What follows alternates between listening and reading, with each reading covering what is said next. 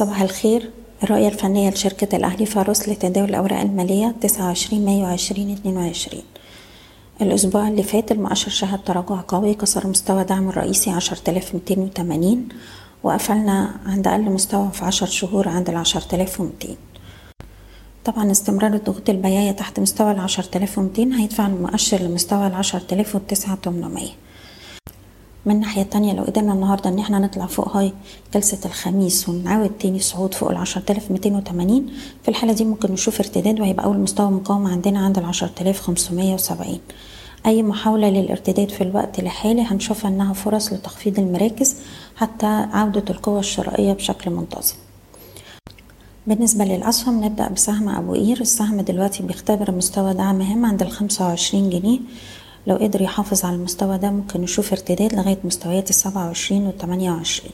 سهم موبكو من الأسهم الأفضل أداء في السوق. عندنا دعم هام عند مستوى المية جنيه ومن هنا ممكن نشوف ارتداد لغاية مستويات المية وسبعة والمية وتسعة. المجموعة المالية هرمس هي بتختبر منطقة دعم رئيسية حوالين ال 14 ونص 14 30 طول ما إحنا فوق المستويات دي بنحتفظ بالسهم. عندنا دعم قريب عند ال 15 10 ومن هنا السهم ممكن يرد لغاية مستويات 16 10 و 16 ونص.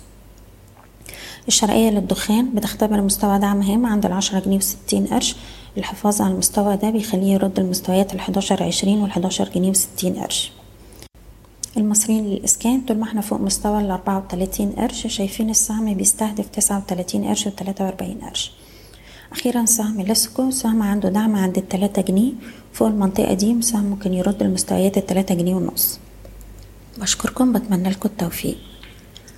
إيضاح الشركة غير مسؤولة عن أي قرارات استثمارية تم اتخاذها بناء على هذا التسجيل.